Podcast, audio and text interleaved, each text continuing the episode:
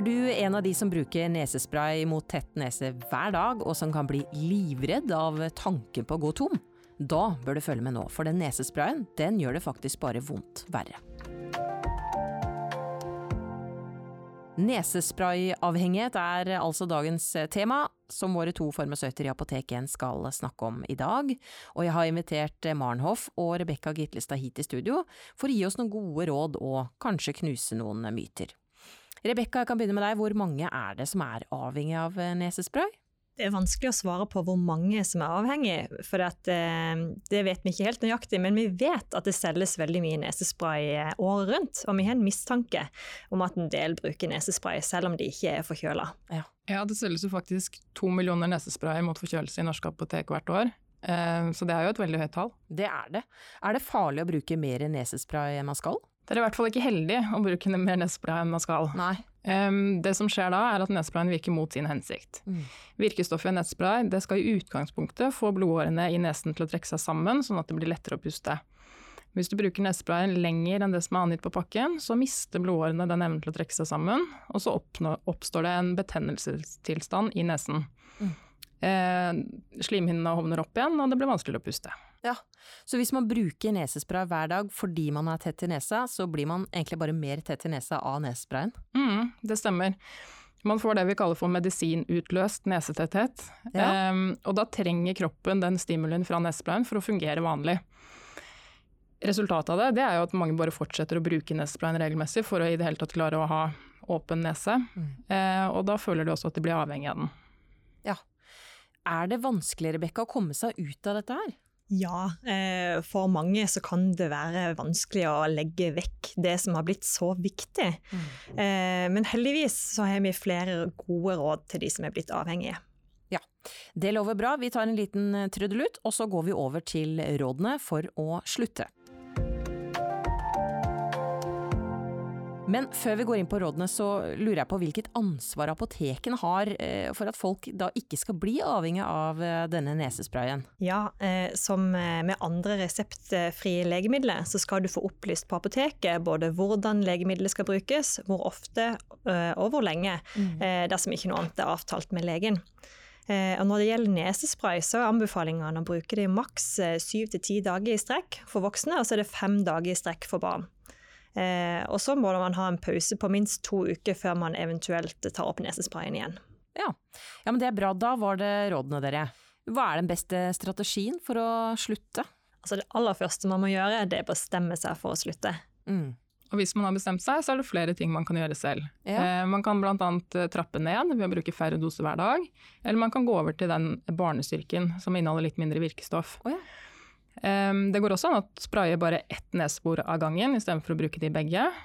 Og så kan man skylle med fysiologisk saltvann for å rense og lindre det ubehaget som oppstår i nesen. Ja, og hvis dette ikke hjelper, så må man snakke med legen sin, eh, for dette er noe lege har vært borti mange ganger før. De kan gi gode råd, og, så finnes det også reseppelagt nesespray som kan være aktuelt for noen. Ja, ok, Så reseptbelagt nesespray for å slutte med reseptfri nesespray? Ja, det høres kanskje litt rart ut, eh, men eh, det demper betennelse i nesa. Og dermed kan han bidra til å redusere noe av plagene eh, som man får når man skal slutte. Ja, og hvis man klarer å slutte da med den daglige dosen, hva bør man gjøre med nesesprayen sin da, Maren? Faktisk så bør man unngå å bruke nesespray i fremtiden. Ja. Fordi det er veldig lite som skal til før man havner tilbake på kjøret og blir like avhengig igjen. Ja. Det er litt som med andre avhengigheter, at når man først har klart å slutte, så bør man holde seg helt unna. Ja, Så da bør man rett og slett bare gå rundt og være tett i nesa? Nei, man kan forsøke andre ting, f.eks. saltvann. Eh, det finnes jo både i spray, eh, man kan bruke det som neseskylling. Det vil også hjelpe til med å åpne nesen. Mm. Og et annet tips det kan jo være at man eh, hever hodet på senga når man skal sove, sånn at man blir mindre tett. Ja, gode råd der. Vi går over til mytene. Vi har eh, fått inn noen spørsmål, eller såkalte etablerte sannheter om eh, nesespray, eh, og vi kan begynne med en her. Gravide kan ikke bruke nesespray. Det er faktisk feil. Mm. Både gravide og ammende kan bruke reseptfri nesespray mot nesetetthet ved forkjølelse på samme måte som andre, men også her så er det maks sju til ti dager som gjelder. Jeg trodde ikke gravide kunne bruke nesespray, ja. Det er nok mange som tror det, og det er ikke så rart. Eh, for i pakningsvedlegget til noen av nesesprayene så står det faktisk at man ikke skal bruke det under graviditet. Ja. Men det er det gjennomført gode studier på, og det viser at det er helt trygt å bruke reseptfri nesespray mot nesetetthet under graviditet, på samme måte som med andre. Mm.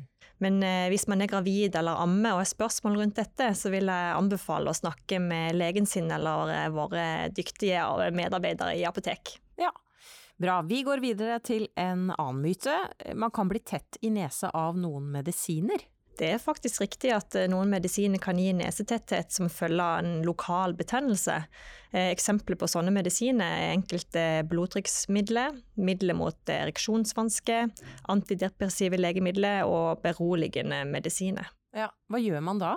Ja, Som med andre bivirkninger så er det viktig å snakke med legen sin om hvordan man opplever bivirkningene.